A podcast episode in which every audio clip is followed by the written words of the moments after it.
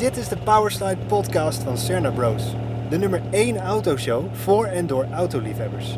Jouw brandstof om van A naar B te komen.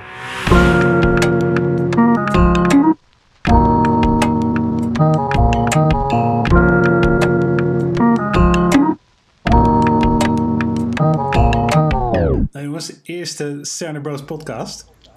Lekker. En eh, nou, ze, ze, heb je er zin in? zeker. Sowieso. Altijd. Heel, Ja, wat? oh, Ja, wacht. sowieso hè. Het is natuurlijk jammer dat we het op deze manier moeten doen. Want eh, ja, dan zien we en Julian's onderkin en we zitten niet bij elkaar. dat is jammer. Ja, inderdaad. Nee, zo niet. Nee, ga je de hele dag zo praten. Ja, zo praat ik de hele dag aan. Wordt zo'n avond. Maar goed, eh, Ja. het wordt zo'n avond. Lekker. Het is de eerste keer, dus als thema hebben we vanavond ook de eerste keer. Voor alles moet natuurlijk een eerste keer zijn, onze eerste podcastopname. En eh, ja, op autogebied hebben we natuurlijk ook vele eerste keren gehad. En, Heel eh, veel. Ik ga gewoon die eerste vraag erin gooien. De allereerste vraag. Jij, jij, jij hebt de meeste eerste keren al beleefd, hè, Pim? In de auto wel, ja. Ja, hè?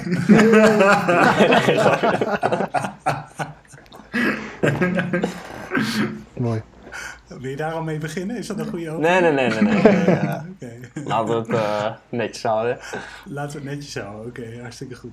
Hé, hey, maar eh, eh, roep maar als je wil. Maar wat, wat was jullie eerste auto? Ja, die voor mij is niet zo spannend. Nee, Nee? daar schaam ik me een beetje voor. Oh jee. Oh, oké. Nee, het is een beetje... Wat, wat, wat is Ja, nou, jullie weten hem allemaal. Eh, hij is vorig jaar eh, heel zielig eh, ten onder gegaan. Eh, afgestorven. Ah, Ehm, na heel lang goede duty is hij toch echt naar de schroothoop verkast. Ehm, het was mijn, mijn, mijn geliefde Fortje K.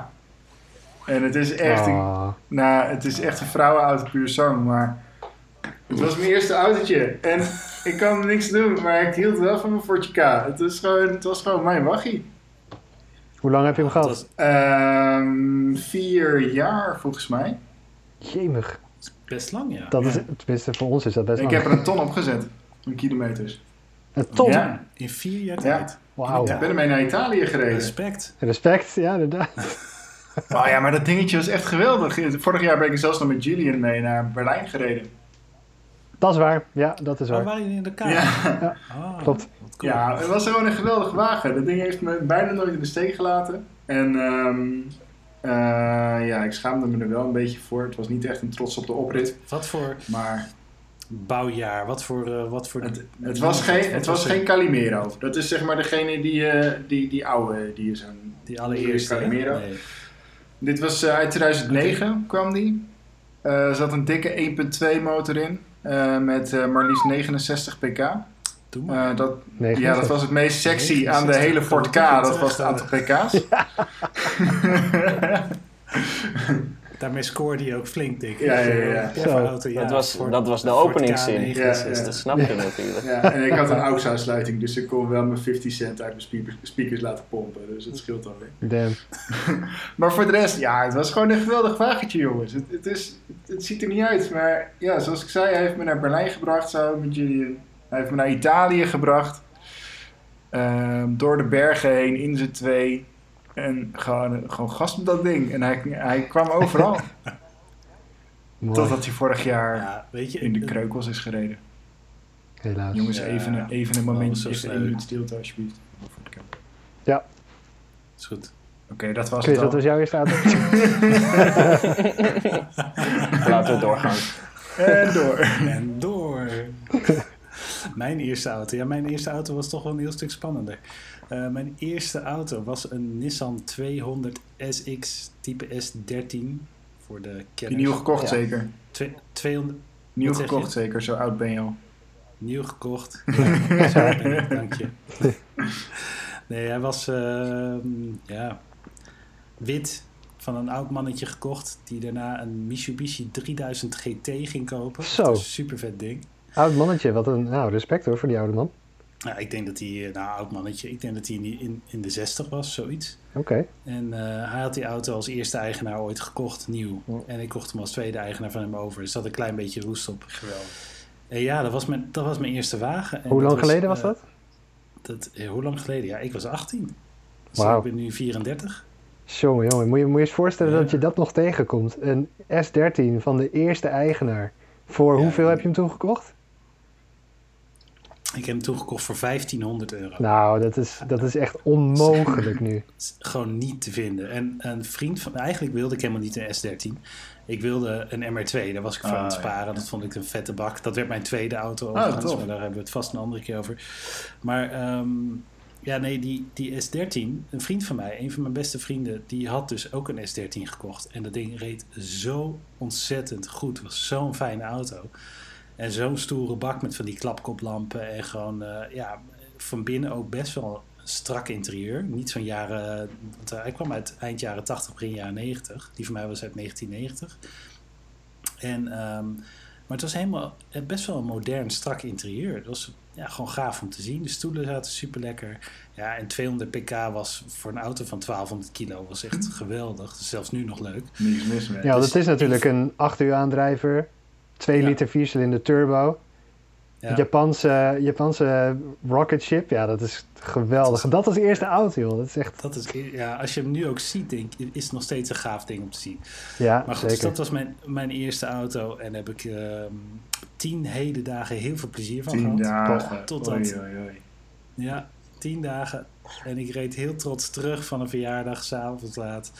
Ik had uiteraard niet gedronken. En eh, nou, toen reed er een of andere droeftoeter eh, tegen de zijkant van mijn auto aan... terwijl die op vlucht was van de politie. Serieus? En Zo, eh, lag mijn auto in de kreukels. Ja, Jongen, ja, ja, ik had heel veel geluk dat er eh, iemand van zo'n eh bewakingbusje zeg maar, rondreed op het industrieterrein waar ik overheen reed. Zo'n Securitas of Verisure of zo'n soort busje. Dus die stond, eh, ja, die stond ook op dat kruispunt stil. eh, waardoor die gasten die in dat autootje op de vlucht waren mij eigenlijk niks aandeden of konden doen op dat moment. En de politie kwam van alle kanten echt binnen een minuut aangereden. Dus het was heel spectaculair. Jongen, jongen. Maar ja, Zo. mijn geliefde eerste auto lag wel in de kreukels. Ja. Oh, wat een drama. Ja, Aardige afschrijving. Ja, 150 Nou, per ja, dag. Uiteind- uiteindelijk, na maanden, kreeg ik mijn geld van de verzekering. Ik kreeg eh, bijna 3000 euro Kijk. terug. Oh. Dus ik had, eh, en, en de auto had wat roest op de achterkant. En ik kon een nieuwe voorkant, want daar was hij in elkaar gereden, kon ik vinden via Marktplaats voor 250 euro. Toen heb ik hem van, en die voorkant zag er keurig netjes uit. Dat heb ik door een schadebedrijf heb ik hem eh, recht laten maken. En ik heb met opa samen nog helemaal die auto weer terug in elkaar zitten bouwen Serieus? over, over laten spuiten. Ja, hij heeft vier maanden in eh, opa's garage op de brug gestaan. Oh, wauw, dat, dat weet ik helemaal niet meer. Ja, ja, en toen Oh, heb, ik hem, eh, heb ik hem weer helemaal opgebouwd. En, eh, en daarna, na een half jaar, kon ik er weer mee rijden. En was hij helemaal strak. Dus eigenlijk Ja, geluk bij een ongeluk. Uiteindelijk wel, ja. Want ja, het heeft je een mooiere auto opgeleverd dan dat je had. ja, Ook al heeft het even wat geduurd. En geld. precies. En geld. Ja. ja, want ik heb hem daarna... Ik heb er toen een half jaar in gereden. En toen heb ik hem voor 4000 verkocht. Oh. Zo, jongen. Best wel wat aan verdiend. Ja. ja dat was mijn eerste auto. Oké. Nou, dan ga Julian, wat was jouw eerste auto dan? Ja, mijn eerste auto, die heb ik voor jou gekregen toen de tijd. Dat was de, de, de blauwe eh, BMW E30 Touring. Daar is het begonnen. De Dat drie- is een 318. De 318 Ja. inderdaad. Daar is, daar is het mee begonnen. Toevallig heb ik nu dan weer een E30 Touring. Een hele bijzondere, maar daar daar hebben we het wel weer eh, over in een andere aflevering. Maar ehm, dat was... eh, ja, weet je, de, de E30 is natuurlijk legendarisch. En daar had jij er al een paar van gehad. Ehm, en die Touring die kwam voorbij. En ik ben altijd al fan geweest van stationwagens. Ik weet niet waarom.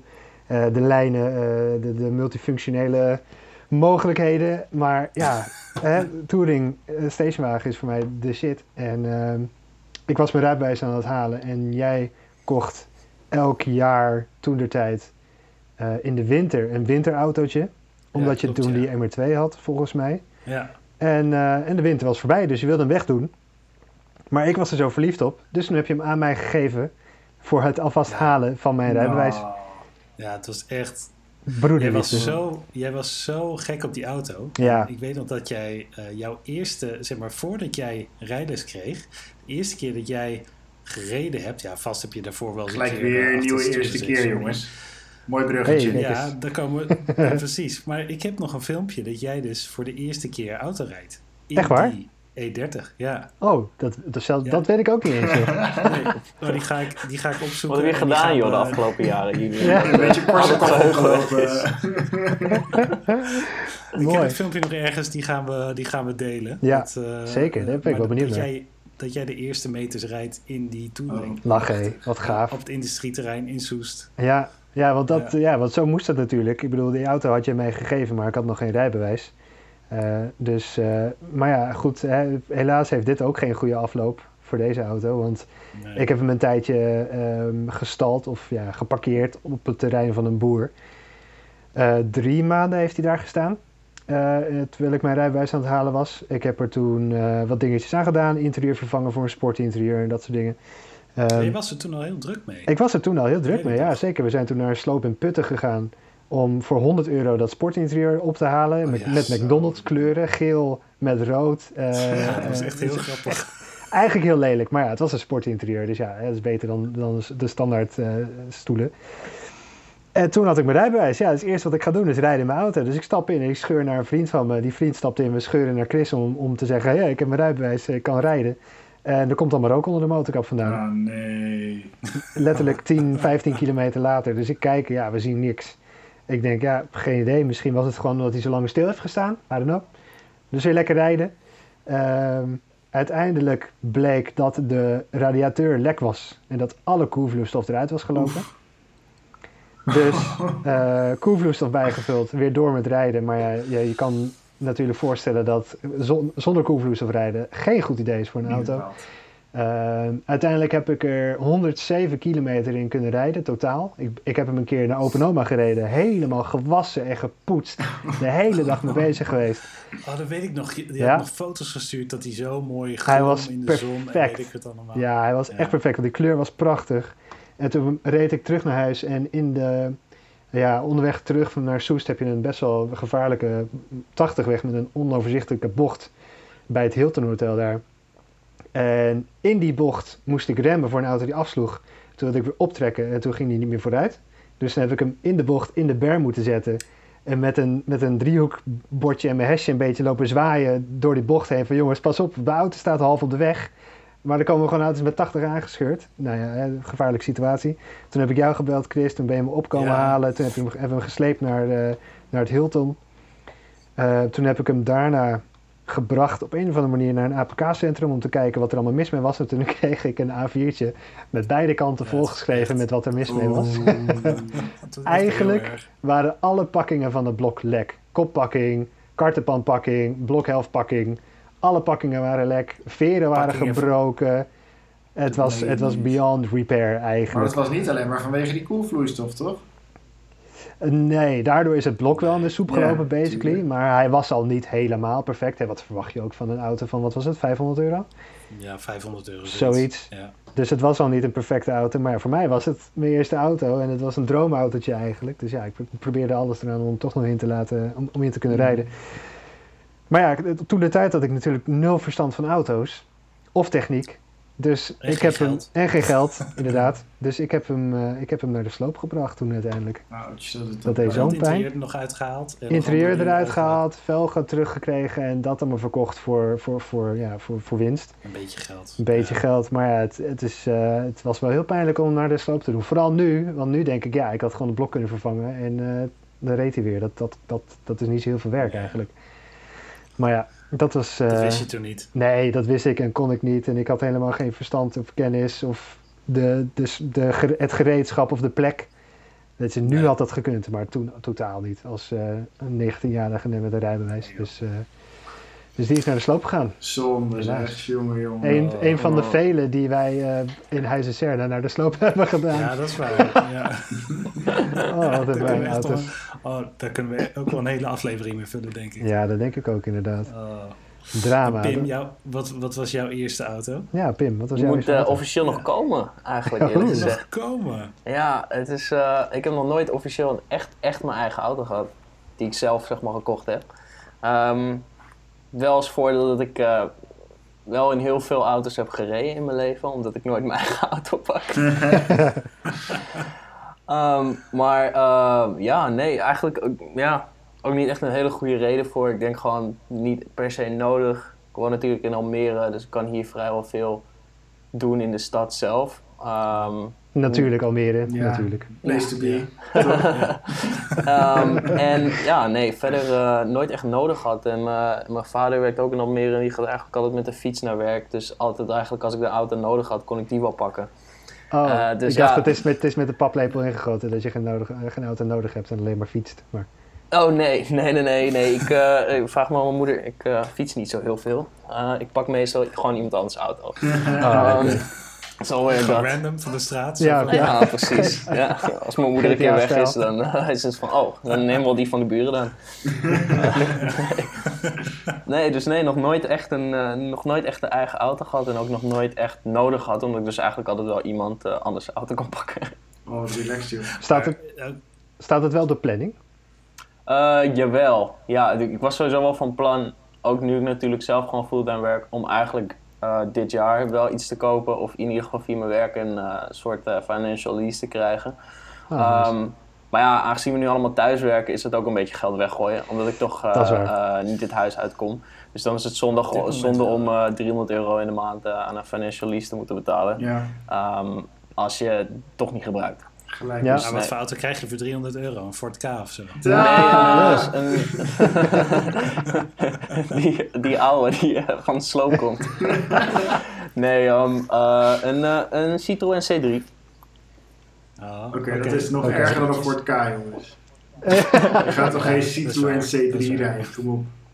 Nee, het Als was, liefhebber kan je dat, niet, kan je dat echt niet maken, nee, Pim. nee, dat, sorry. dat kan Nee, niet. nee. Maar ja, het ja, was, je het, moet het, minimaal je budget verdubbelen Ja, je moeder rijdt ook al of een Clio. Up. Ja, dan beter. Ja, Volkswagen joh. Up.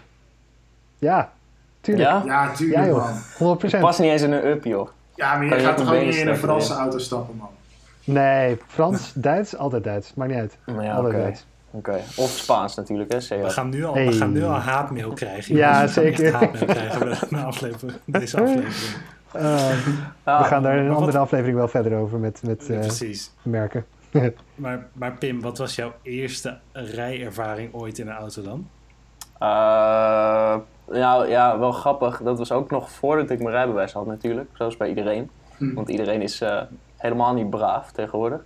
Nice. Dus eh eh, nee, was op de middelbare school. Ehm, ik denk dat we in de vijfde zaten of zo. Dus ik denk dat ik een jaartje of 16 was, zoiets. En ehm, een vriend van mij die was al wel 18 en die had, eh, had al zijn rijbewijs. En die had volgens mij ook een Ford K of zo. Hij Ford gekregen K van voor zijn de vader. Eh, en, ja, iedereen begint daar toch? Eh Ford K bijna. Iedereen heeft ooit wel eens in een Ford K gezeten. Ehm, maar eh, ja, en hij, hij kwam daar dan mee naar school. En daar hadden we dan een parkeerplaats eh, voor onze school. En eh, toen was het op een gegeven moment van, ja, laat, laat mij eens even achter het stuur zitten. En eh, zo ging iedereen eh, in onze vriendengroep een keer achter het stuur zitten. En eerst was dat zeg maar, nou ja, een blokje om de parkeerplaats heen, eh, eh, wat misschien 10 meter was. Eh, en op een gegeven moment was het wel meer van, oké, we gaan nu naar de overkant van de weg. En dat was dan wel heel spannend. En één keer hadden we die auto van hem meegekregen en ik zat met een vriend van mij en die zat inderdaad te rijden en ik zat naast hem en wij hadden allebei ons rijbewijs nog niet. En wij gingen naar de overkant van de weg om daar door de wijk te rijden. En eh, toen kwam er een politieagent tegemoet rijden. En nou, nee. wij hebben het nog nooit zo, zo erg in onze broek gescheten. Oei, oei, oei. En ik zat tegen hem, geen fout maken, geen fout maken. Niet de auto laten afslaan, gewoon, gewoon doorrijden alsof je een rijbewijs hebt.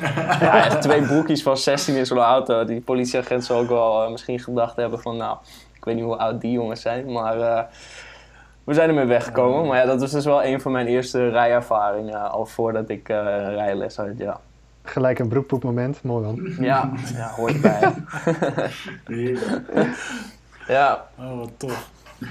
Ja. Lennart, wanneer heb jij voor het eerst achter het, achter het stuur gezeten van een Ja, dat was ook ehm, eh, voordat ik mijn rijbewijs had. Eh, bij mijn moeder. Eh, zij... Op schoot, Ja. toen je twee was. ja, Ja, als we die meetellen, jongen. Nee, nee, nee. nee, nee. Ehm, ik, eh, ik, ik was toen eh, bijna begonnen met mijn rijlessen. En eh, ja, dan moet je natuurlijk gewoon even oefenen op het industrieterrein.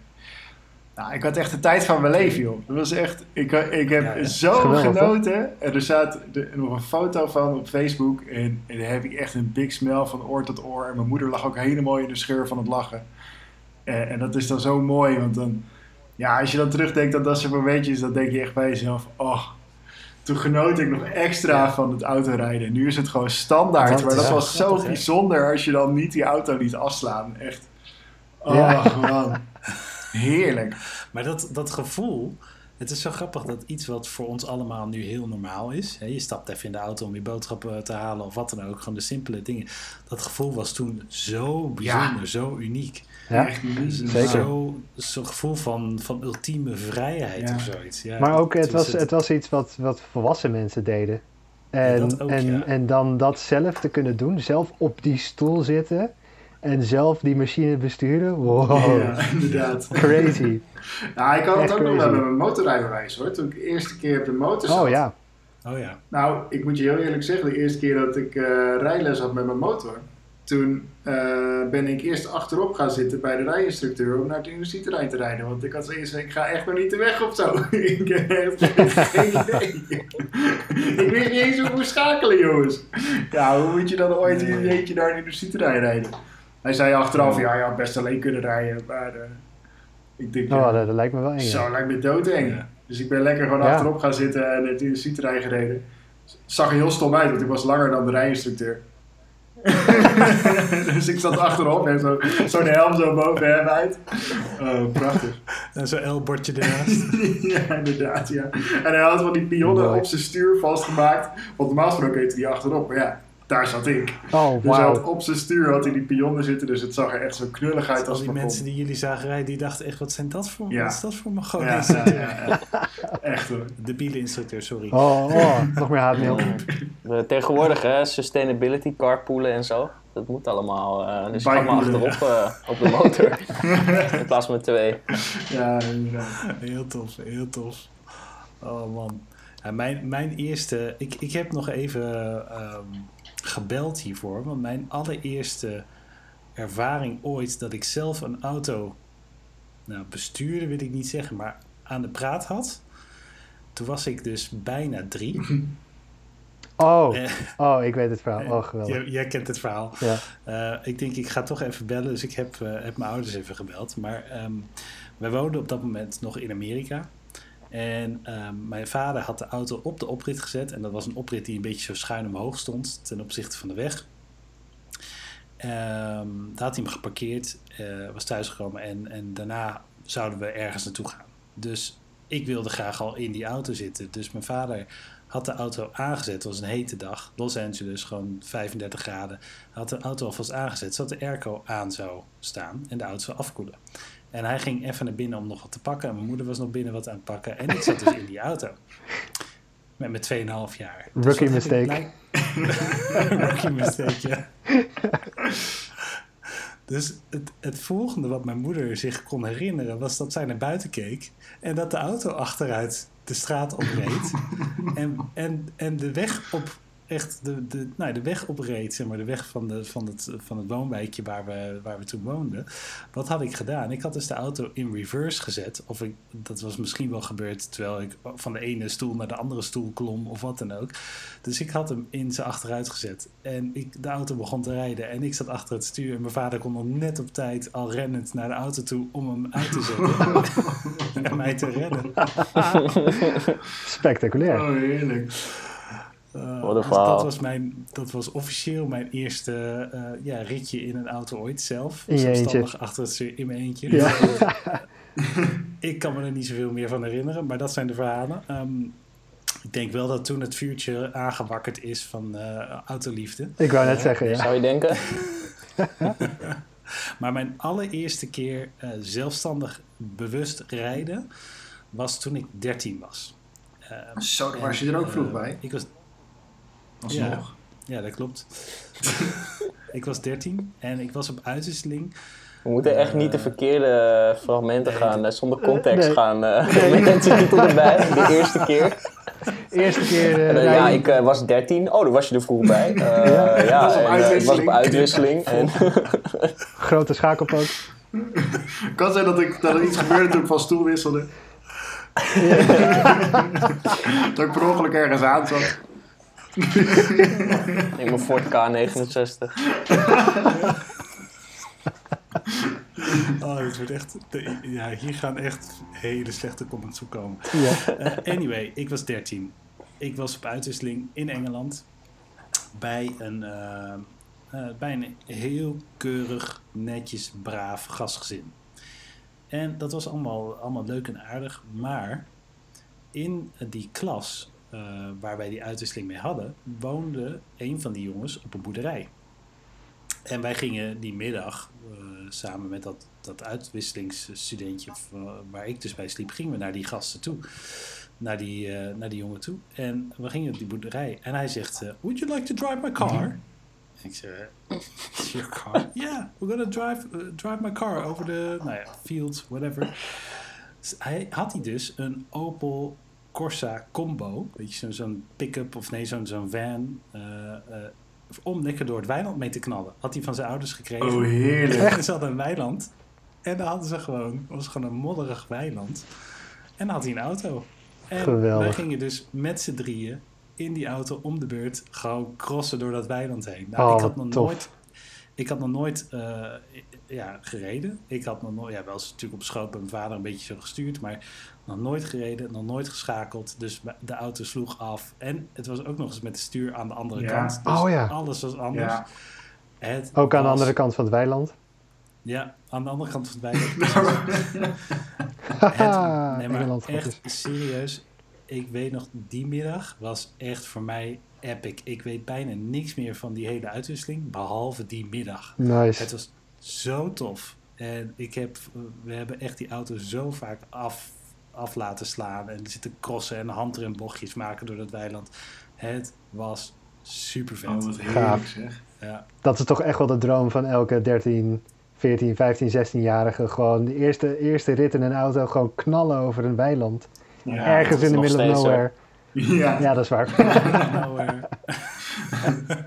Ik zie een rematch met aankomen. goedkeuring van de ouders. Heerlijk. Ja, mijn eerste, mijn eerste autoervaring was eigenlijk ook met, eh, met vrienden. Nou ja, de allereerste was, was toen ik 2, 3 was bij papa op schoot natuurlijk. Hè. Daar kwamen we terug ergens vandaan. En dan reden we de wijk in. En toen toen mag ik op zijn schoot zitten. En mocht ik lekker sturen. En dan gaf hij gas en eh, remde hij natuurlijk. Zo is het bij mij in ieder geval begonnen, de auto, autoliefde. Maar volgens mij, wat ik me kan herinneren, is dat ik... ik, had een, ik had een maatje, Stefan. En hij had een... eh, zijn ouders hadden een alle- alleenstaand huis met een oprit. Best wel lange oprit ook in het bos. Eh, Ja, ik hoorde. Hij was niet getrouwd, dat huis. Hij was gescheiden. maar, hoe heet het dan? Een vrijstaand huis. Vrijstaand, ja, vrijstaand. Dat is mooi. hey, maar hij staat wel alleen. Dus het, eh, hè? hè? Oké, Ik was vrijstaand 13 en huis. op uitwisseling. Precies, een huis tegen. een, een alleenstaande auto voor het alleenstaande huis. Oké, vrijstaand huis. Met een oprit, grind, eh, grindpad. En eh, eh, ja, we- elke zomer waren we gewoon aan het, aan het chillen bij hem. Hij had een, eh, een quad gekregen voor zijn verjaardag een keer van zijn Ja, Dat ouders. weet ik nog wel. Dus we waren heel vaak in het bos bezig bij hem, quadbaan bouwen, met de kro- quad aan het crossen. En eh, zijn moeder had een, eh, had een hele crappy Fiat Punto. Ehm, en, en ja, dan waren die ouders weg eh, aan het werk of zo door de week. En dan kwamen wij terug van school. En toen, eh, toen zei hij een keer van, joh, zullen we, zullen we anders gewoon in de Ford K rijden? Of in de, Ford K? in, de, Fi- in de Fiat rijden. Ik zei, hoezo in de Fiat rijden? Ja, gewoon even, gewoon even de oprit op en af. Nou ja, dat werd eerst... Hè, eh, je kon dan een stukje, een bochtje maken op op- oprit. En dan was daar een stukje waar je een rondje kon draaien. keren of zo. En dan kon je verder de weg op als je wilde. Nou, dat was even snel keren en weer terugzetten. Hoe, hoe spannend. Hoe. Maar ja, dat werd later natuurlijk naar het einde van de oprit en op de weg keren en weer terug. En later werd dat naar het einde van de, van de oprit de weg op een stukje heen en weer. En weer de oprit terug. Oh, spannend. En eh burn-outs doen natuurlijk op het grind. En eh handrembochtjes bij het stukje waar ik kon keren. Nou, dat, dat weten ze ouders allemaal niet. Dus eh, ik denk ook niet dat ze deze podcast gaan luisteren, maar Die toch. zagen vast ook niet de remsporen op de weg staan. Nee, nee, nee, want het pakt Nee. altijd de hark. En we zetten het altijd weer lekker Oh, netjes ja, terug. heel goed. Mijn vader dacht, zij zijn nou alweer aan het harken. Ja, precies. Dus vol- volgens mij, zover ik me kan herinneren, is dat mijn eerste echte auto-ervaring als in alleen autorijden. Ehm, maar ja, natuurlijk ook met papa in- op het industrieterrein gereden. Weet je, dat, dat soort dingen. Ja. Alle, alle standaard dingen om voordat je je rijbewijs hebt eh, in een auto te rijden, heb ik ook gedaan. Natuurlijk, als autoliefhebber. Ja, was super vet. Het is wel grappig dat we dus allemaal voor ons rijbewijs al best wel wat, of tenminste best wel wat, maar in ieder geval wat er- auto-ervaring hadden. Ja. Eh, en, en, maar dan die rijles, die eerste rijles. Ehm, ik, ik, ik kan me bij mij herinneren, we hadden echt, eh, Julian en ik hebben allebei dezelfde rijinstructeur gehad. Oh ja. Eh, Charles. Shout out to Charles, want dat is echt de beste rijinstructeur die er, die er is. 100%. goede gast. Java in Soest. Ja, reclame bij deze. Ja. maar die, die gast was zo relaxed. En ehm, hij had een BMW, een 320 diesel, die van 3 serie sedan. eh type E46. En dat ding reed gewoon zo ontzettend relaxed. En hij Heerlijk. had altijd de grootste glimlach op zijn gezicht. Dus op Ja. het moment dat je instapte, voelde je al eh, comfortabel, voelde je al oké. En na de eerste paar meters mocht je natuurlijk alleen nog maar eh, sturen. Dan zou hij de betalen bedienen. En daarna gingen we naar industrieterreinen, mocht je alle, alle, ja, alles bedienen en mocht je zelf gaan rijden. Maar dat was die eerste rijles. Ik voelde me echt, dat voelde echt als een begin zeg maar, van een nieuwe fase in mijn leven. Dat voelde zo goed. Ik weet niet hoe dat bij jullie was, maar dat gevoel, dat was echt fantastisch. Ja, zeker. Gewoon in de, als, voor de eerste keer achter het stuur kruipen terwijl het mocht en op de openbare Ja. weg rijden. Weet je, dat, ja, dat is echt geweldig. Ik heb dan ook inderdaad met, met Charles les, eh, les gehad, bij Charles les gehad. En volgens mij was mijn eerste rijles eh, op een dag dat het heel erg hard had gesneeuwd en gevroren. Want eh, mijn moeder heeft daar nog een filmpje van en die tagt me soms op Facebook nog als zij, als zij dat filmpje krijgt als herinnering. Oh ja. En dat, er lag gewoon, nou ja, wij woonden toen in Soest. met een pleintje achter ons huis, een parkeerplaats. En dat, als het, als het dan sneeuwde en vroor, was het hele pleintje spek en spekglad. Er lag altijd een laag ijs overheen. En dat was mijn eerste rijles. Hij stond daar klaar, ready to go. En ik mocht dat achter het stuur zitten. En dan lag gewoon een laag ijs van twee centimeter over die parkeerplaats heen. En ik dacht echt, no way dat ik, dat ik dit, mijn, dat, dat, dat dit mijn eerste rijles is. Gewoon in de slechtste omstandigheden ooit. Maar het ging gewoon goed. Want ja, zoals jij zei Chris, de eerste paar lessen, de eerste twee, één of twee lessen, mocht je alleen maar even sturen om, om de bedieningen van de, van de eh, stengeltjes, hengsels, hoe noem je Stengeltjes stuur? hengsels. Oh, jij, Ja, weet, jij weet dingen van auto's, hendels. volgens mij. De hendels. De hendels, knipperlichthendels. Ik weet niet hoe je dat noemt eigenlijk. En net van die alleenstaande hendels. of, Ja, eh, van, die, van de knipperlichthendels en de ruitenwisserhendel. Weet je, dat soort dingen moet je onder de knie krijgen als, als beginnende bestuurder. En het sturen en de afstand tot de weg, waar je op de weg moet zitten. Dus dat, eh, dus dat hij, deed hij op die manier. Eh, dus gelukkig kon hij dan op het ijs eh, goed gas geven en netjes wegkomen. Maar eigenlijk is, is de eerste rijles van mijn toenmalige vriendin veel interessanter. Als ik dat even mag Oh ja. vertellen. Oh, dit verhaal weet ik inderdaad. Die is, Ja. die is echt briljant. Eileen, mijn toenmalige vriendin, die had ook les bij Java. ook les van Charles. En het mooie van Charles is, hij rodderde over iedereen die hij les gaf. hij, rodderde, hij was de Oh, grootste roddeltante van Soest. Want hij, hij, had, hij had al zijn klanten in Soest, hij kende iedereen in Soest. Dus hij praatte over alles en iedereen, alles wat goed ging, alles wat fout ging. Tijdens, allemaal- tijdens de rit ook continu. Ja. Hey, hey, Ja. hey. Elke, elke auto, elke fietser die Ja. langs kwam, allemaal zwaaien. Hey Charles, hey, Hij hallo, kende hallo. iedereen. Hij kende iedereen. Dus ja, hij gaf mijn vriendin eh, ook les. En eh, nou ja, hetzelfde idee. Hè, eerste les, hij geeft gas, zij stuurt. En ze kwamen bij een rotonde. Nou ja, hè, je kan je voorstellen dat als je nooit echt bij, over een rotonde hebt gereden zelf, dat het misschien eh, wat, wat spannend kan zijn. Maar ik kan me voorstellen dat als je ernaast hebt gezeten elke keer, dat je weet hoe je een rotonde moet nemen. Daar mag je wel een beetje van Ja. uitgaan. Mag je wel van uitgaan. Dus zij zit achter het stuur en Charles zegt: Hé, hey, er komt een auto aan, maar als je snel bent, kan je nog rechtdoor over de rotonde. En zij zegt: Rechtdoor over de rotonde? Ja, ja gewoon rechtdoor over de rotonde.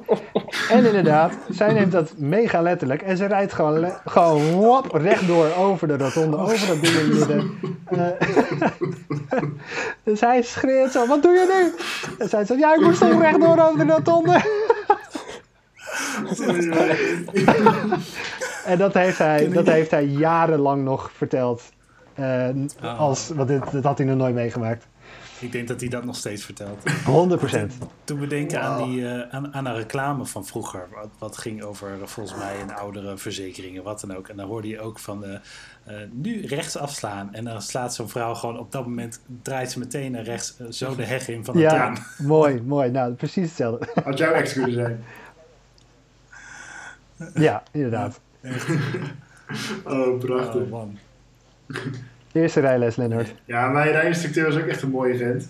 Eh, JVL. Eh is de rijschool volgens mij, heette die Jan van Loon of zo. Ehm, en het mooie van hem was, hij was gewoon, hij was zo ontzettend droog. En hij had de droogste humor van de wereld. En het maakte hem allemaal niet zoveel uit. En ehm rijles 1 moest ik inderdaad instappen en eh, reden we naar het industrieterrein. Hij reed. Ehm, dus we waren bij het industrieterrein. Nou, wisselen. hè. Dus ehm, ik mocht gaan zitten. En hij pakt ineens een antenne. Naast, Antenne? naast hem uit de deur. En hij schuift zo die antenne uit. Ik denk, wat gaat hij nou met die antenne doen dan? nou vertelde hij, die antenne gebruik ik om goed aan te kunnen wijzen waar het gaspedaal zit, de rem en de koppeling. Want als ik dat bij vrouwen met mijn hand doe, dan kom ik veel te dichtbij. Dus ik, anders krijg ik daar weer commentaar over. Dus ik gebruik gewoon een oude antenne. En dan had hij dus gewoon standaard een oude antenne in zijn auto die hij even uitschoof. En dan kon hij precies aangeven waar, waar, die moest, ja, waar alles zat en hoe alles werkte. Dus dat was echt Mooi, geweldig. slip. Maar die vent was sowieso echt een topper. Hij had altijd had hij koffie in zijn hand. Hij had altijd zo- zo'n thermoskan mee met koffie. En dan schonk hij zo in een plastic beker. Weet je wel, van vroeger. Die, die je vroeger kreeg zodat niks kapot Oh. kon gaan. Schonk hij zijn koffie in. En dan zat hij altijd gewoon lekker een beetje koffie te zuipen achter het stuur. Nou, hij had altijd de gekste grapjes. Ehm stonden we een keertje bij, ehm, ehm, bij de stoplichten bij eh, station Amersfoort. Je hebt daar dat stukje industrieterrein waar nog wat eh, kantoren zitten. En wij stonden daar voor het stoplicht en eh, het stoplicht stond op rood. Ehm, en tussen ons en de auto voor ons kwamen twee of drie eh, dames aangelopen. En ehm, hij had natuurlijk ook pedalen. Dus wat doet hij? Hij gooit die auto eens vrij, geeft een paar keer flink gas, zit ondertussen zo naar mij te wijzen. Zo was hij. oh, dat was zo mooi. Die vent was echt geweldig. Hij had altijd zulke goede grappen. Ja, en toen moest ik hem natuurlijk terugpakken. Dus toen zat hij op een gegeven moment had hij zijn koffie vast. Ik denk, ja, het moet gewoon een keer gebeuren dat die koffie ergens overheen vliegt. Dat je tegen de voorruit aan of weet ik veel wat. Ja. Dus, ehm nou, stoplicht was op rood, dus ik was heel rustig aan het afremmen. En toen halverwege dat ik tot stilstand zou komen, vol in de remmen. Maar hij, is er, hij was er dus op getraind. Dat had ik kunnen weten. Maar hij maakte echt zo'n beweging zo. Dus zijn kopje ging zo naar voren en die ging zo half dwars. En hij ving zo zijn koffie weer op en hij ging weer terug en hij nam een slok. Ik kutzooi. Echt een ja, pro. echt een pro. Echt een pro. Oh, echt Oh, die moet je niet gek maken. Ja, Ja, volgens mij moet je als rijinstructeur moet je ook gewoon humor hebben en, en, en nou ja, engere geduld en, eh, Ja. en inderdaad die gekke trekjes. Want hoe wil je anders ooit 50, 60 uur per week precies. zittend naast Ja. beginnend bestuurders Oh, die doodsangsten uitslaan, soms eh, doorgaan, eh, ja, doorstaan. Ja, ik zou er echt niet het geduld voor hebben. Nee, ik ook ook niet. niet. Totaal niet. Nee, ik heb dat nu al niet met, met mensen op de weg laten staan dat ik naast iemand zie Ja. die zit die het niet kan. Oh, Ik vind het ook doodeng. Hij had twee keer meegemaakt dat Ja. mensen op de Stichtse Rotonde linksom gingen. oh mooi. Linksom? Ja. Nou, de Stichtse Rotonde, voor de mensen die het niet weten, de Stichtse Rotonde is, is, is een rotonde die vroeger volgens mij in de snelweg was gebouwd, in ieder geval in de 80 kilometer weg. Eh, En daar kan je met eh 50, 60, 70 kilometer per uur overheen. Volgens mij is het limiet Ja, 50 het, is, of het is een hele grote rotonde. Ja. Ja. En eh, een hele druk ook. En hij heeft dus twee keer Ja. meegemaakt dat iemand daar eh, linksom de rotonde op ging. Ja. Wauw. Oh, Hoe dan? Geen, ja, hoe dan? Geen idee. Je weet toch hoe rotondes werken, Eileen? Ik zeg geen naam, ik zeg geen namen, maar eh, Eileen. En Pim, wat was jouw eerste rijles dan? Ehm, ik was eh, best wel eh, gespannen, dat weet ik nog wel. Dat was gisteren, toch? Ja, zoiets, ja. nee, is inmiddels al, eh, wat is het, 4,5 jaar geleden of zo? Vijf jaar, denk ik. Oh, je hebt bijna geen beginnersrijbewijs Um, meer. Nee, klopt. Wordt het tijd voor een auto, hè? Je Maar- bijna een zware motor. Oh nee, motoren. Nee, maar ehm, eh, ja, eigenlijk niet heel veel speciaals eigenlijk. Het was gewoon ook gewoon een, eh, een chille rijinstructeur. eh maakte ook hier en daar grapjes. Kon ook wel wat van om tegen andere weggebruikers een beetje tekeer te gaan. Als ze tekeer gingen tegen mij, dan kregen ze terug te horen. Dan zit hij in de auto. "Ja, Waar, waar de fuck zit jij naar te kijken dan? je ziet toch dat het een lesauto is? Wat doe je nou moeilijk man? Zit hij Uit Almere zeker. ja, een raampje omlaag. En, eh, ja hoor. Niet. nee, maar verder heel, ja, verder, verder oké. Ehm, ik, ja, ook wel nare momenten gehad. Ik heb volgens mij ook wel een keer een draadje weggepinkt tijdens een, eh, tijdens een rijles. Eh, voornamelijk toen ik begon met schakelen. Daar zag ik toch wel tegenop, omdat dat niet helemaal goed ging in het begin. Oh jee. En afslaan tijdens, bij de stoplichten en dan mensen achter je toeteren. Nou, iedereen is er wel geweest, denk ik. Ehm, en nu doe ik het zelf. Als ik nu achter een lesauto sta en die laat hem afslaan, dan zit ik, wat een amateur, joh. Dat is toch fantastisch? Ja, dat is echt het leukste wat er is. Om dan vol te gaan toeteren. Ja, ja nee, dus verder, verder niet, heel, eh, niet, niet zulke gekke dingen meegemaakt als Lennart, nee, met mijn rijinstructeur. Maar verder prima, hij, hij heeft me goed begeleid. Ik heb alles in één keer gehaald, mijn theorie, mijn, eh, Goed zo. mijn examen. Oh, Dus eh. Goed zo. kan, ik kan nog wel iets. Kudo's. Hebben het eigenlijk, hebben, heeft iedereen hem hier in één keer Nee. gehad? Ah. Nee, dit verbaast me niks. Motorwel, motorwel. met die, eh, Oh, oké. Motor. Ja, maar mijn auto nog een beetje goed gemaakt. Ja, sorry. Hoe lang heb je erover gedaan? Hoeveel, hoe vaak heb je erover gedaan? Eh, ik heb, eh, de, ik heb, 28 keer. nee, ik heb eh, Nee, twee dat keer moeten afrijden. Floris. Mooi, twee Ja, keer. twee Ja, dat keer valt Valt mee. wel mee, toch? Valt mee, ja. Je kan ook net een eh, rotte examinator hebben of zo. Ja. Ik was echt mega zenuwachtig. En toen eh, dacht ik, ik trek hem wel even voor een BMW. En dan ga ik naar links bij het CBR. Ik reed alleen in de Opel Meriva, dat was ik even vergeten. Oh ja, Dus dat, dat, dat won ik niet. helaas. Dus dan, ja, dat werd moeilijk. waar, hebben- waar hebben jullie afgereden dan? Amersfoort. Ja, Amersfoort. ik ook. Ja, Amersfoort. Ja. Ik Leuzen. in Nes. Moest ik. Eemnes? Ja. Is daar een rij? eh, of Ja, zit CBR. Het is, het is vanuit Almere, zeg maar, je kan kiezen of Amsterdam. Hmm. Nou ja, dat was voor mij niet echt een keuze. Oh niet. nee, Uh, idee. dus uh, nee, toen werd het Eemnes, want we mogen dus niet in uh, Almere afrijden, omdat alles hier zo netjes is aangelegd. Dus het is veel te makkelijk om hier te rijden. Nee, Oh, serieus? Ja, dus uh, het is echt verboden om uh, af te rijden in Almere. Mag niet. Wauw, Het is te makkelijk, ja. Wauw. Ja. Eemnes is, Eemnes is nou ook niet zo moeilijk. Nee, ja, dat, dat, dat knooppunt is dit daar natuurlijk van die eh, Ja, van de A1 en de A27. Maar voor de rest valt het eigenlijk ook best wel mee. nee, klopt. Het was uh, inderdaad ook uh, CBR uh, uitrijden en uh, snelweg op een stukje en terug uh, door de, uh, binnen de bepaalde kom. En inderdaad wat knooppunten was verder niet heel veel uh, aan, inderdaad. luxe. Oké, oké. Ja. Hey, maar dan hebben we het over de eerste rijles en de eerste auto-ervaringen gehad. Maar wat, wat was jullie eerste keer in een, nou, laten we, een echte auto? Een goede sportwagen of een supercar? Uh, wat, wat was jullie eerste keer in een auto met even een goed vermogen op de achterwielen of op alle vier Nou, dat was bij mij wel mooi, want ik begon... Uh, uh, ik heb hiervoor bij Broekhuis gewerkt, autodealer. Uh, ja. En we hadden regelmatig wel dikke wagens voor de deur staan. Uh, en op een gegeven moment hadden we een Volvo V60 Polestar staan.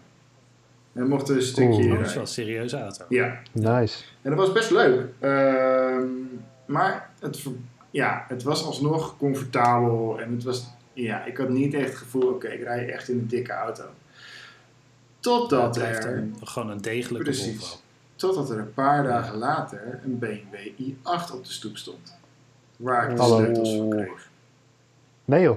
Oeh. Dat was leuker. dus als je Ja, het ook hebt over de eerste keer serieus hard rijden. Dat was met de BMW i8. Het was mooi, want we reden zo uh, de rotonde af. Uh, een 80 kilometer weg op. En dat was een parallelweg langs de snelweg in Harderwijk. En um, uh, in de verte zag ik al een keertje een autootje rijden. was volgens mij zo'n Toyota Yaris Verso. En daar zaten zes oude mensen in. En uh, die kwam met uh, ongeveer 30 km per uur op mij afrijden. Het had ook een 45 km per uur autootje kunnen zijn. Ik weet het niet. Maar uh, ik stond stil, want ik denk, ja, ik wacht heel even op die mensen en dan ga ik er vandoor. En ehm, eh, die auto die kwam zo op me afrijden. En ik zag die mensen al echt zo op zijn stuur. Van waarom staat die jongen stil? Dus die begonnen al een beetje langzaam te remmen. En ik zag ze al een beetje zo Oh. achter mij. Zo van, eh, wat gaat hier gebeuren? Ehm, en toen drukte ik het gas in. Eh, of eigenlijk een combinatie, hè, gas, elektrisch. Ehm, Eh, en dat ding was zo rete snel. En binnen een paar seconden zat ik op 180 km per uur. En zag ik die hele auto niet meer. En dat was zo'n lekker gevoel. Zo Nice. chill. Oh man. Ik ben zo Ja. benieuwd hoe zoiets rijdt, zo'n i8. Ja, dat is, dat is Ja. bizar. Dat is echt... eh, Want we kennen, ik, ik ken het elektrische gevoel van jouw GTE, eh, Chris, je oude GTE. Ja. Maar, maar een i8 is natuurlijk een compleet andere league. Het is inderdaad een soort van ja, supercar, niet echt, maar wel sportwagen. ja. Ik kan me voorstellen dat het echt geweldig moet rijden. ja, dat is bizar. ik ben wel een Ja. klein beetje, klein beetje jaloers. Snap ja, ik een klein wel. beetje wel, ja. Ja. Ik weet nog wel dat wij ooit naar zo'n eh, techdag zijn geweest. En daar stond hij toen, ehm, midden in de hal. Julian, wij waren daar toen samen heen. Ik denk een jaar of, eh, nou, het zal het zijn, acht, jaar- acht jaar geleden was. Is dat Bright Days of zo? Ja, en daar stond dus zo'n i8 midden in de hal. En dan zag je helemaal dat koolstofvezel eh monokok eh, gebeuren. En ah, dat, dat was zo spectaculair en futuristisch. Ja, ik vind het nog steeds een bijzondere auto om te zien. Echt wel heel Ja, dat tof. was heel tof. Wat Ja, vet. Totdat de Een algemeen... eh, eerste supercar. ja, Nou, Ja, totdat de algemeen directeur uitstapte van een jaartje of 50. en eh, dat zag er een beetje knullig uit. Dan denk je wel bij jezelf, oké, jij staat gewoon een beetje voor lul in deze auto. Weet je, je moet ook een Geef afweging maken van past deze nog bij mij of moet ik gewoon een wat hogere A-klasse hebben. Weet je, gewoon een Mercedes. Niet te moeilijk doen. Maar oké, het was wel mooi. Ja, zeker. Unieke Ja. ervaring. Tof. Vet hoor. Nice. Nice. En Pim, wat was jouw eerste keer in een serieuze auto? Ehm, ik heb natuurlijk bij... Je eh, ligt meteen al doen. Het RS5-verhaal, kom maar op. ik heb er best wel meer, maar RS5 was zeker niet de eerste. En als we het nu Niet de over eerste? hebben, Oh, nee. Nee, nee, dan- nee, dan moeten we de eerste hebben. Ik heb bij, sowieso bij mijn stageperiode bij Audi eh, aardig wat auto's versleten. Oh, Versleten ook echt. Zo kreeg ik op mijn eerste dag een, eh, ook een Golf eh, GTE mee, volgens mij. Nou, dat was ook wel, als je het echt hebt over de allereerste, waarvan ik zoiets heb, oké, deze heeft wel aardig wat power. Dat was die. Dat ik dacht, oké, Ja. deze geeft ook wel aardig gas. Maar ik denk, en dan hebben wij natuurlijk ook nog zo'n dag, Chris, die SQ5 mee gehad. Dat- Die had ook wel aardig wat power. Eh, Ja, en, eh, maar de eerste echte supercar was op het circuit. Met eh, de Audi eh, Driving Experience, met de R8. Oh ja, dat Oh. was echt Oh, dat heel is vet. tof. Ja. Gaaf. Ja, Dat was echt Ja. eh, mijn allereerste keer. En ik merkte ook gelijk dat het mijn allereerste keer was. Want eh, we reden weg en ik had een beetje problemen. Want, Broekpoep. nee. nou, wat, wat zeg maar ook niet door bij mij was... eh, we, waren, we waren in koppels, hè. Eh, Chris zal het ook nog wel weten. We hadden koppels. Eh, dus er zat iemand naast je, gewoon ook een collega. En bij mij was dat natuurlijk de medestagiair. Ehm, en hij zat naast mij. En ik had eerst naast hem gezeten een ronde. En ik vond dat prima. Hij wordt een beetje misselijk. Maar verder was het wel oké. Ja. Eh, maar hij was best wel angstig, zeg maar. Om bij Oh, mij ja. in de auto te zitten. En dat zat hem niet zo in omdat hij geen vertrouwen had in, in mijn rijden. Want daar, had hij namelijk geen idee van hoe ik rij. Dus eh, hij daar zat niet? het hem niet in. Hij was gewoon een beetje... Hij vond het gewoon niet zo leuk. Niet zo... eh, hij was daar een beetje angstig voor. Dus eh, dat zit al Dus naast je. Ja. Ja, ja, bij hem denk ik. Ik weet het niet. Niet bij mij hoor. Ik dacht van yes, let's go. En ehm, toen reden we weg. En, eh, maar we moesten best wel lang wachten, weet ik nog, voordat we... Ik zat echt al vijf minuten in die auto voordat we een keer mochten optrekken. Mm. En ik had natuurlijk allemaal op knopjes lopen drukken. Eh, om, om te kijken wat er allemaal was. En een paar keer dat ding opnieuw opgestart. Want dat was het leukst. Want dan drukte je het knopje en dan ging hij... vroom. Eh, ja, en toen reed ik dus weg. En ik, ik, nou ja, ik ga van nou ja, eh, steeds hoger in de kilometers. En ik denk op een gegeven moment, wat loopt dit ding nou te zoomen, joh? Ik had het dus per ongeluk op handmatig schakelen gezet. En ik had geen idee hoe die flappen werken. Dus ik heb dat nog nooit gedaan. Dus ik dacht van, oh shit, dit ding moet weer terug naar automaat, weet je wel. En ik dacht zo van, ja, dit gaat hem niet worden. En dat, dat ding, dat, dat maar loeien. En ik denk, oh, wat gebeurt hier, joh? En die jongen naast mij, die zat van, wat ben je aan het doen? Ik zeg zo, ik denk dat hij op, op hand, ha- ha- handmatig staat of zo. Ik weet het niet. Dus ik zat echt lijp in de 1 in- op 50 km per uur al in dat ding of zo. En eh, toen uiteindelijk, eh, ik weet niet hoe, maar hij is uiteindelijk gewoon automatisch overgeschakeld naar automaat. Uh, en toen was het allemaal prima. Maar dat was wel even een stressvolle periode van uh, vijf seconden ongeveer. dat ik dacht van, oh, je gaat me niet zeggen dat ik de ding al gesloopt heb voordat ik überhaupt het circuit op ben. Oh. Uh, maar ja, dat zo'n was... au- Zo'n auto, zo'n auto heeft een noob filter, hè? Ja, ja, zeg me niks. Zeg me helemaal niks. nee, maar um, um, klopt. Maar toen uiteindelijk ging het prima. En uh, ja, dat was super vet op het uh, circuit, TT-circuit van in Assen. Uh, en dan gingen we een beetje achter elkaar. Uh, ik denk dat ik daar toen. Ja, is niet het hardst wat ik ooit gereden heb. Want dit was. Ik denk dat ik daar iets van 2.10 of zo heb gehaald in die R8. Zo. De op het tandjes. circuit. En één keer ging ik iets te, iets te hard de bocht door. En toen slipte die. En toen dacht ik. Ja. Mijn instinct zei tegensturen. En dat deed ik. En toen kwam ik heel smooth uit die slip, zeg maar. Ik kon gelijk zo door. Alsof ik een of andere ja. um, expres een drift had ingezet om de bocht te nemen of zo. Ik denk dat was dat, niet de eh, bedoeling. ik denk dat het gewoon weer de noemfilter was die inkikte. Ja, Ja, precies. Dat denk ik ook. Ze waren zo ingesteld. Ik dacht, ja, je zult zien joh, dat ik die R8 gewoon in het prak rijd. maar nee, maar het ging prima. En uh, ja, dat was wel echt mijn eerste uh, ervaring. Uh, um, ja, niet op de openbare weg. De openbare weg was dus wel die RS5. Maar um, um, Uh, maar die R8 was wel je eerste serie. R8 was Ja, echt... Dat, is ook nog wel de dikste auto die ik ooit heb gereden. Gewoon de duurste. Tof. Dat is ook eh, wel echt een van de vetste uh, supercars. Ja. In ieder geval, zeker op zo'n circuit is dat gewoon echt heel erg tof. Dat was Zeker. sowieso een vette avond. Ja. Ja, Ja, heel vet. gaaf hoor. Jaloers. En Julian? Wat Ja, was jouw ik- eerste supercar? Ik, ik, eh, ik weet het eigenlijk niet meer. Ik, ik, denk, ik, ik, ik denk serieus dat dat de, de Honda NSX is geweest van opa. Ja, Eh, want ik, tuurlijk. ik heb tot die tijd nooit experiences gedaan. Ik heb nergens gewerkt waar toffe auto's eh, beschikbaar waren. Ehm, ik, ik heb een keer meegereden met papa in een Porsche Boxster. Ik heb Oh een keer ja, meegereden. dat was ook best, best wel tof inderdaad. Ik heb een keer meegereden in een Corvette. Maar nooit zelf gereden. Dus ik denk, ik denk dat eh, de Honda NSX van opa... dat dat de eerste keer was dat ik echt in een supercar heb gereden. Oh. Ja, of, of Honda S2000 als je die mee kan rekenen. Maar eh, Ja. en de Zix, dat was, eh, dat was voor mij de eerste keer. Gewoon, eh, gewoon met opa ernaast lekker toeren. Ja. Mooie herinneringen. Ja, ik kan me voorstellen. ja. Nou, ook ge- zeker geen slechte eerste supercar. Nee, zeker niet. Dat is, ik denk dat weinig mensen dat kunnen zeggen. Dat dat de eerste supercar is waar ze in hebben gereden. Ja. En Chris? Ja, ja, mijn eerste supercar. Ja, ik heb ehm, ook even flink moeten graven wat dat zou zijn geweest. Eh, maar dat is bij mij een Aston Martin. Eh, voor mij was het een DB11. Wauw. Ik werkte, eh, die ja, ik werkte bij een eh, chauffeursbedrijf tijdens mijn studententijd. Ehm, dus ik was, eh, ja, ik was studentchauffeur.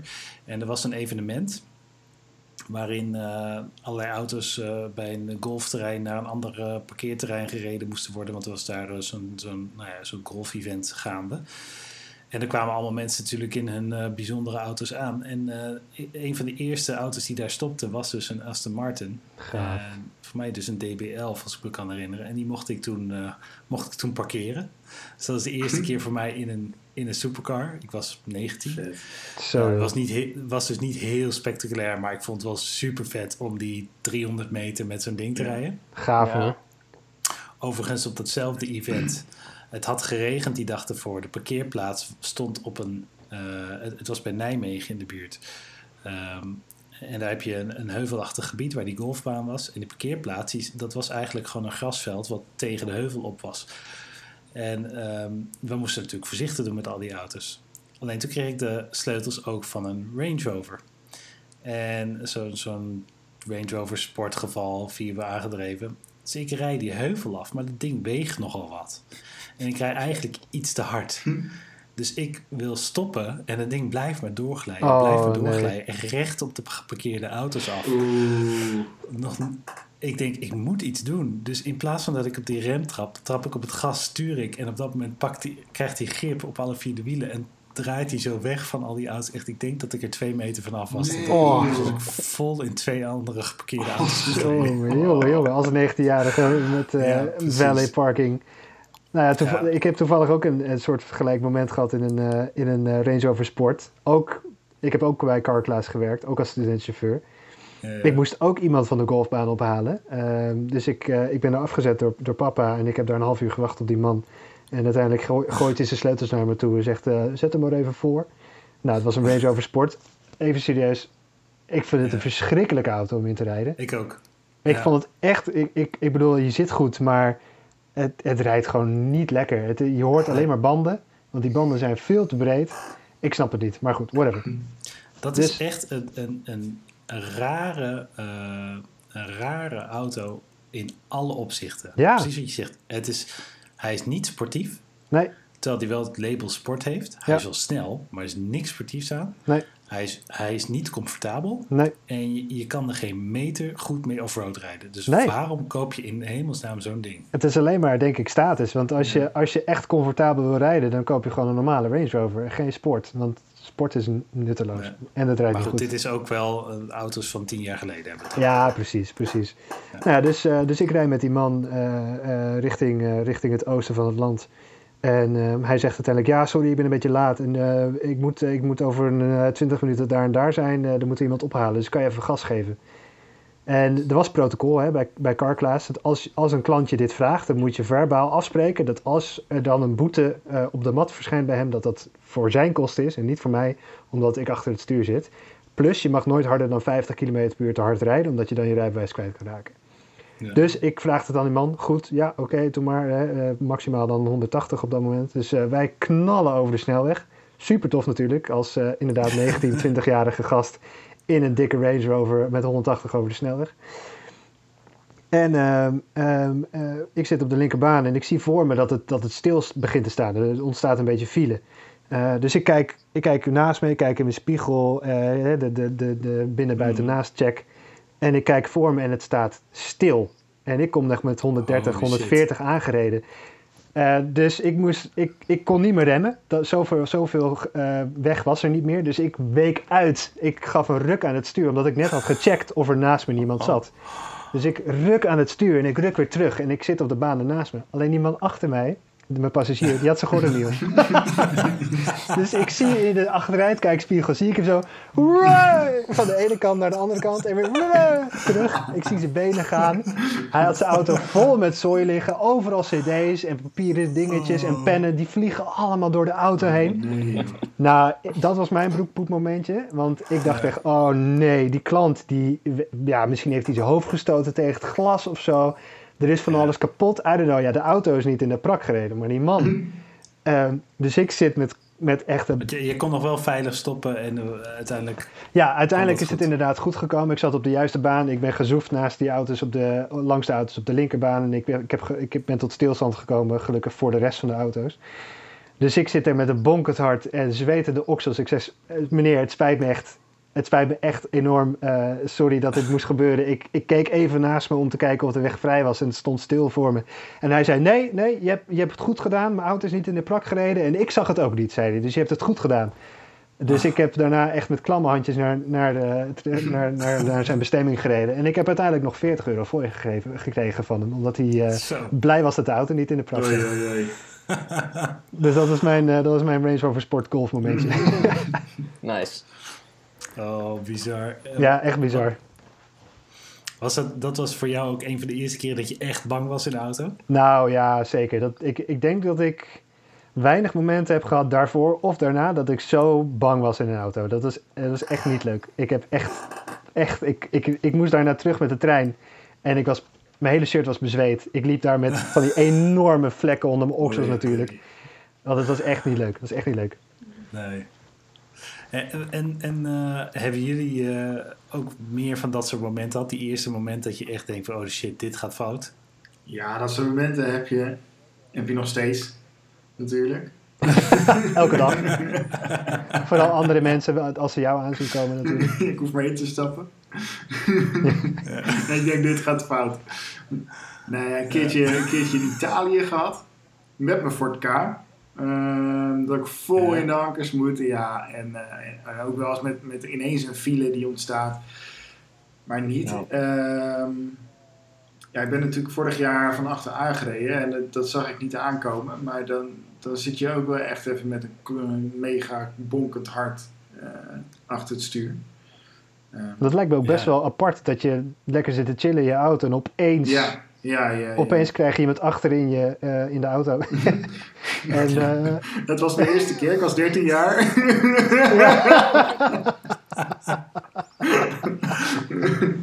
Nee. Nee, dat is dood joh. Eh, ik ben ook echt even blijven Ja. zitten. Want ik had gewoon zoiets van, wat is hier gebeurd? Ik wist, ik, ik was gewoon echt helemaal gedesoriënteerd. Wow. Ja. En eh, gewoon omdat het echt zo'n Ja. klap was. Want ik was van achter aangereden met, nou ik denk dat die gas iets van 60 km per uur reed of zo. Zo, Eh, en ik stond stil. Eh, en ik ben op, de, op degene voor mij ook weer geklapt. Dus ik ben echt van, van achter naar, naar Ja, ja. voor geklapt met mijn hoofd.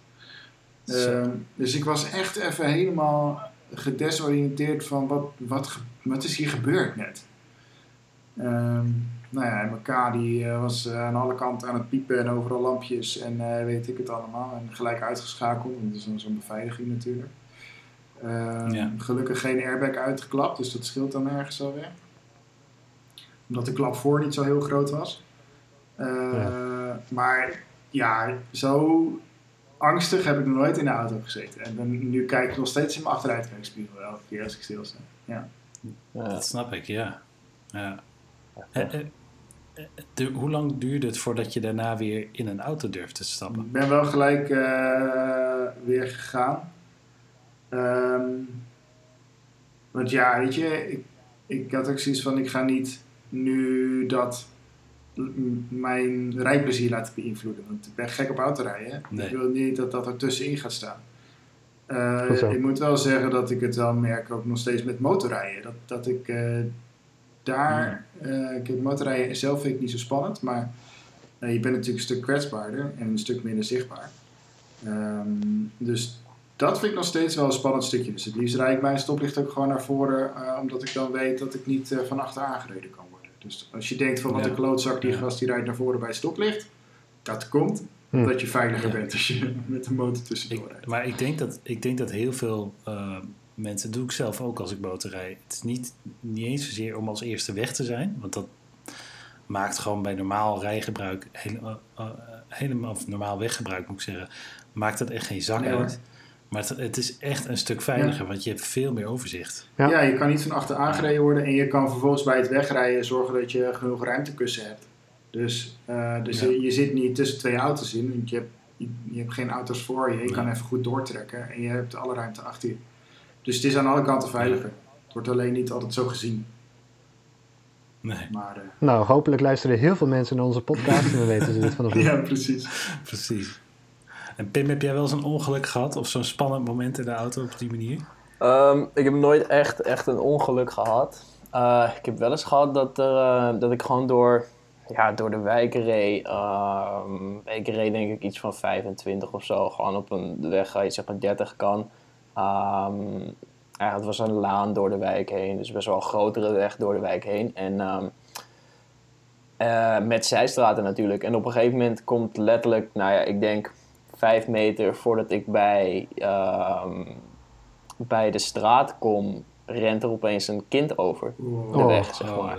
Maar ze hebben ook, eh, op die laan hebben ze zeg maar eh, bosjes die zo hoog staan. Dat het, het is al moeilijk om überhaupt te zien of er een auto Ja. uit, de, uit de zijstraat komt. Ehm, en Maar dit, dat is echt je grootste angst, dat er een kind voor je auto terechtkomt. en ik Een reed kind dus, of een ja, kat? ik reed dus inderdaad Ja. gewoon 25, 30 of zo. En nou ja, echt ben bijna bij die straat. En opeens zie ik keihard een kind over. Gelukkig rende die hard. Want daardoor eh, heb ik hem niet geschept of iets dergelijks. Maar eh, er zat nog wel een paar meter tussen. Nog wel drie, vier meter denk ik. Op het moment dat hij voor mijn toch. auto was. Maar ik, ik heb nog nooit zo hard op de rem getrapt. En het was ook echt uit een reflex. En eh, ik, was, ik, ik had zeg maar niet eens de tijd om mijn koppeling op tijd erbij op te pakken. De auto sloeg ook gewoon af. Gewoon puur omdat ik gewoon keihard op de rem trapte. Ja. Eh, Ja. En zo'n kind, ja, dat kind heeft niet eens omgekeken. Die is gewoon doorgerend. Zo, ehm, jongen, jongen. Almere, ja. hè? Ja, maar ehm, ja, dat was wel even een momentje dat ik echt zoiets had van, oh shit. Ehm, En het was ook echt gewoon, want ja, ik rijd daar zo vaak en dan, dan zeg maar, je, je verwacht het niet en je hebt zoiets van, nou ja, weet je, eh, je bent gewoon eigenlijk heel chill aan het rijden door de wijk Ja. heen. En eh, het was volgens mij ook rond een uurtje of zes en het werd al een beetje donkerachtig. Dus dan zie je het sowieso allemaal wat minder. En opeens zag ik dus inderdaad, nou ja, zo'n zo'n zo'n kind voorbij rennen. En eh, je hebt al op de rem getrapt voordat je zeg maar realiseert dat het een kind is. En eh, dat Hm. is, toen zat ik daar nog wel even eh, een paar seconden in mijn afgeslagen auto van... eh, pff, Jeetje, uh, dat had uh, behoorlijk slecht af kunnen lopen als ik ook nou. maar uh, twee seconden eerder op dit punt was geweest, zeg maar. Ja, inderdaad. Ja, dat snap ik. Ja, en dan is het niet eens, niet eens mijn fout of iets dergelijks. dat is nog het, nog het ergst vaak, wat je dan zoiets hebt van ja, oké, okay, dit kan letterlijk gewoon elk moment gebeuren. Dus dat, dat gaat dan wel even door je hoofd heen, maar verder niet last van gehad of zo. Ik ben daar nog gewoon doorgereden en gelukkig, niet, gelukkig niks gebeurd. Maar ja, dat is wel zo'n momentje wat ik al zei, dat je zoiets hebt van ja als ik hier twee seconden eerder was geweest, dan had ik gewoon een kind onder mijn auto gehad. En ik had er niks aan kunnen doen, zeg maar. Ja. Um, dus ja. Creepy. Oh. Ja. Nou, gelukkig is dat goed afgelopen. Ja, ja zeker. Maar ik denk dat we, dat we deze eerste podcast niet moeten afsluiten met zo'n serieuze uh, Sorry. Nee. Nee. Maar als we het dan toch over de eerste keren hebben... en alle insinuaties die we al hebben gehad, jongens... is er een eerste keer geweest dat je ja, in een auto bent geweest met je vriendinnetje? Oh, dit is een gevoelig onderwerp. Dit is een goede manier om de podcast af te sluiten. Voor alle luisteraars die nog geen 18 zijn, jullie kunnen nu wegklikken. Ja, Ja, fijne avond. Het is, bed- het is bedtijd. volgende week. ik, denk, ik denk ook echt dat dit verhalen zijn die we allemaal niet van elkaar kennen. Ja, Of dat durven klopt. te vertellen. Ja, dat klopt. Ik ben heel benieuwd eigenlijk. Nou, Chris, eh, jij, Zal ik hem- eh, zal ik hem jij aftrappen? mag hem aftrappen dan. Jij hebt de vraag gesteld inderdaad. Doe Je maar. was 13. Ja, Uitwisseling. Uitwisseling. In een weiland. Op een combo. In een weiland ergens geparkeerd. Aan de rechterkant of de linkerkant, maakt niet uit. En ineens begon hij te rollen. Aangepakt, die raakte ik per ongeluk aan.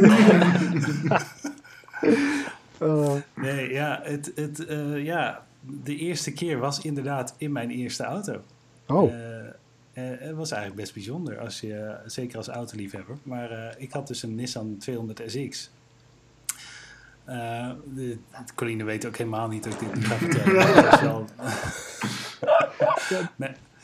Eh, het, het is ook mijn vrouw, dus ik eh, heb er verder niks om over te schamen, denk ik. Eh, tenzij ze dat eh, straks toch gaat zeggen: nee, het was heel anders. maar maar eh, nee, we hadden, we hadden verkering. Eh, waren volgens mij al verloofd. En, eh, en ik had mijn, mijn autootje. Ik ben vrij vroeg getrouwd met haar. Ik was 21. Oh. En ik had dus die Nissan 200SX. Die was net weer helemaal opgeknapt. En, we, eh, en ik reed ermee. En het mooie aan die SX was dat het eigenlijk een hatchback is. Dus het is normaal gesproken is een coupé.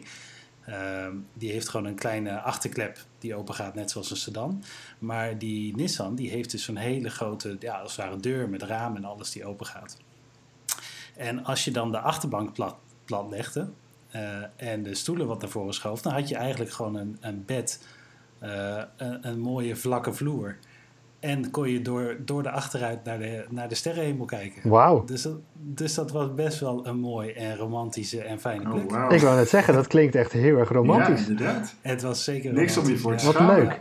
was echt, nee, het was echt een mooi moment ook. Dus dat was mijn eerste keer. Eh, Julian, Nou, ik zie jou een grote gein zitten. hij heb, recht over de rotonde heen. Ehm, ja, het, het Je is hoeft geen eigenlijk... namen te noemen. Nee, nee, ik ga geen namen noemen. Eh, het is echt een heel mooi verhaal dit eigenlijk. Ehm, ik had toen, eh, het was niet een vriendinnetje, maar iemand waarmee ik gewoon eh, va- vaker afsprak. En we hadden, we hadden afgesproken dat we dit zouden gaan doen, want het stond allebei op ons, op ons lijstje om een keer te, te doen. eh, het te doen in de auto. Ehm, en ik wist de perfecte plek. Eh, ik ging vaak met vrienden naar de McDonald's in, eh, in eh, Huis de Heide, volgens mij. Ja, nee, ja, serieus. Perfecte plek. en De perfecte McDonald's plek. Ja, want achter de McDonald's had je dan een, een klein straatje. En die liep dan door het bos heen. En dan kwam je uit bij de Ik snelweg. Wacht even, ik ga Ja. even aantekeningen De maken. McDrive inderdaad, in de McDrive. Nee, maar dan keek je uit over de snelweg. En dat was een soort van parkeerplaats waar, nou, er kwam bijna nooit iemand.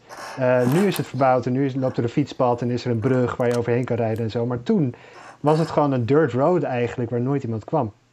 Dirty was het. Julian en zijn vriendinnetje. Precies. dus wij, eh, wij zijn door de McDrive gegaan, we hebben McFlurry gehaald. Road. Oh, die heb ik gemist. Nice. Die Mooi. Ja. Eh, dus wij halen McFlurry en, eh, en ik had, ik had eh, kaarsjes meegenomen en een, eh, en een kussentje meegenomen. Ik denk, ja, ik, hè, ik wil voorbereid zijn op, eh, op van alles. Dus eh, ja, dus, dus we zitten in de auto, hebben ons McFlurry op en, en we beginnen. Eh, we zijn er niet helemaal bezig. En dan komt er een auto aan. Dus ik denk, ja, kom op. We staan serieus iets van 50 meter van de weg af. Op die dirt road. Hè. Het, is, het is een doodlopend weggetje. Wegwerkzaamheden waren daar aangaande. En er komt gewoon een auto aan. Op ons afgereden. En nou ja, 20 meter voor ons stopt hij, draait hij om. Om weer terug te rijden. Maar ze parkeren daar om te gaan eten. En ik herken de auto. Het, is, het was een BMW 1-serie. Het was de BMW 1-serie van Stefan, die vriend van mij waar ik het net over had. eh, en die, die in het vrijstaande huis eh, woonde. Oh, erg niet. Dus, eh, dus ik- wij zitten een beetje achter het stuur zo te kijken van achter het desk. Van, wat, wie is dat? En ik, nou, dat is Stefan. Dus ik doe mijn raam open, want zij deden ook een raam open. Ik denk, nou, kijken wat, wat er gebeurde. En ik hoor allemaal gelach en gegil. Er komen hamburgers het raam uitgevlogen. En, en, en ze zijn, ik hoor allemaal ge- ge- gepraat. En na tien minuten rijden ze weer door. Dat was het. Ik denk, nou oké, dus eh, hè, wij gaan verder. En eh, eh, nou ja, we, we, we, we doen het op allerlei verschillende plekken en standjes op en om de auto. En uiteindelijk zijn we klaar en we rijden weg. En ik app Stefan van, was, was jij dat? Hij zei, ja, dat was ik. Ik zei, ik was er ook. Hij zei, hoe bedoel je, ik was er ook. Nou ja, zag je die auto aan het einde van de weg staan? Ja, dat waren wij. Huh, maar wat, weet jij, wat deed jij daar dan? Nou, Dat denk je. hè? eh, goed verhaal. dit en dit. Hij zei, oh, wat grappig. dat, dat, dat ik er toen net was. Hij, had- hij was blijkbaar met zijn dronken vriendin. En nog een vriendin van die vriendin. Die waren op een feestje geweest. Had hij opgehaald. Zij zijn naar McDonald's gegaan. eh, Weet ik veel, helemaal dronken. Whatever. Ehm, dus dat was, eh, dat was dan eh, het moment. Maar het mooie was ook nog... eh, het was de Saab van mama. De Saab van papa en mama. De Saab 9000. Oké. Mama die eh, ging er altijd mee, eh, mee naar de werk. En eh, een paar dagen later leen ik de auto weer. Geen En respect ook. ik, hoop echt, ik hoop echt niet dat mama dit, eh, dit hoort. Want ik Ik heb het papa. sowieso luisteren. Ja, Ik ga het niet shit. mama die, eh die tunt alvast uit, denk ik. Die wil dit allemaal niet weten. Maar eh, dus een paar dagen later leen ik weer de auto. En ik zet hem terug. En het is een zonnige dag. En ik kijk naar de motorkap. en ik zie daar bilafdrukken en handafdrukken op de voorkant van de motorkap. En mijn moeder is er al drie, drie dagen mee naar werk gegaan. Oh, prachtig. Dus ik heb, ik heb hem daarna snel gewassen en eh, teruggegeven. En niks, eh, niks aan de hand. Jij mag nooit meer een auto lenen. Denk het niet, nee. Ook die Oh. van mij trouwens niet. Nee. Eh, dus dat was, dat was de eerste en enige, eh, enige keer in de auto. Ja. Nice, Oké. nice. Die van mij was, ehm, eh, was wat minder spannend hoor. Maar, eh, maar we hadden In, in de K. in de K, zeker. In je eentje. zeker, zeker. Jongens, dat, die K dat was een multifunctioneel ding hoor. Dat, dat Daar, past. daar kan geen... Dat lijkt me echt heel oncomfortabel. Kijk, zo'n saap was That's what groot. she said. Mijn auto was groot. Nee.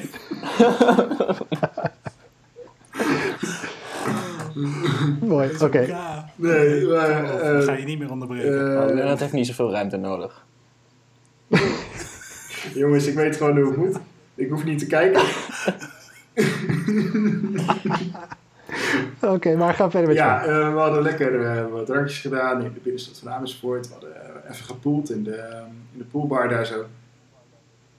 En nou ja, blijkbaar hadden die sticks die ze vast had gehad eh, toch wat met haar gedaan. En ehm, eh, De ballen. ja. We reden naar huis en we reden. Het, was, het was echt wel, eh, ik denk twee uur s'nachts of zo. Het, eh, het was gewoon op een, op een weekendavond. We reden naar huis langs eh, voetbalvelden. En er was een hele mooie parkeerplaats. En, nou, je had hier de voetbalvelden en er tegenover was een grote woonwijk. En daartussenin lag een, eh, een parkeerplaatsje. Ehm, ik moet zeggen, ik zou het nu niet meer zo snel doen op die plek. Want ik rijd er nog wel eens langs en denk echt, oh mijn god, serieus? Hier? echt joh, het was gewoon een oude die open. En ehm, eh, het, het, ging, het ging meer dan prima. Voor het K echt, eh, ja, je stamt wat vaker op de toeter, maar voor de rest eh, maakte het niet uit.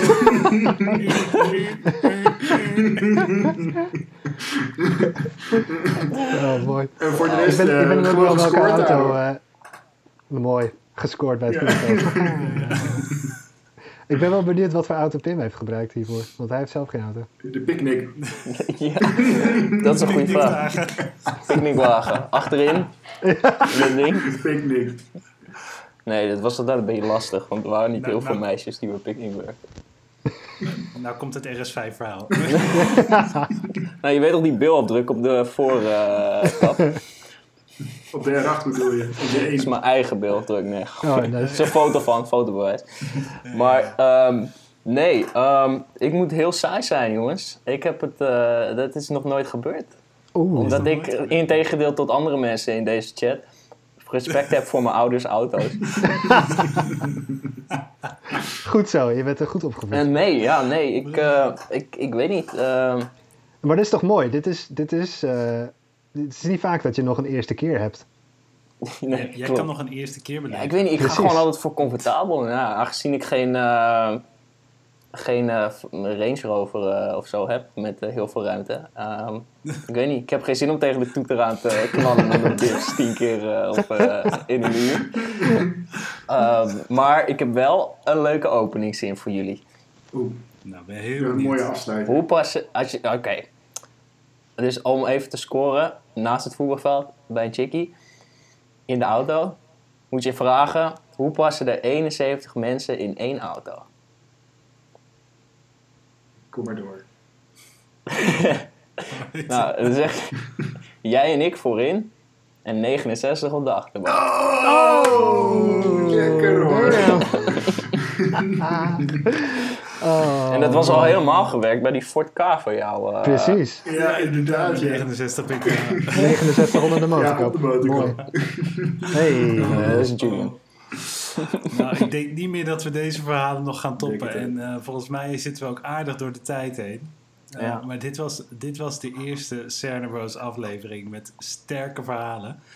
Ehm, ik denk dat we, dat we hier nog wel wat, eh, wat over gaan napraten. En dat hier nog wel een keer opvolging over komt. Over die eerste keren. Ja, want Pim die moet toch echt een keertje gaan vertellen op het moment dat hij de eerste keer in de auto is geweest natuurlijk. eh. Precies. dat verhaal houden wij te goed. Dan doen we Dat, eerst, eh, laat maar weten als mijn moeder geblokkeerd is voor deze afleveringen. Dan eh, komt het. Ik weet nog wel een goede We zullen, we samen. zullen het wel, eh, we zullen het wel streamen op eh, Clubhouse. Precies. We gaan een keer een saap huren voor je. Een Saab 9000 euro. Nou jongens, dit was de eerste aflevering. Tot de volgende. Disclaimer. Houd je te alle tijden aan de snelheidsregels die gelden. We betalen je boetes niet. Afleiding door het luisteren naar de Powerslide podcast is volgens de Nederlandse wetgeving nog geen geldige reden om onder je boete uit te komen. Wel kan je samen met de agent onze podcast in de auto afluisteren met de kans dat je boete verlaagd wordt. We garanderen dit echter niet. Rijd veilig en blijf luisteren.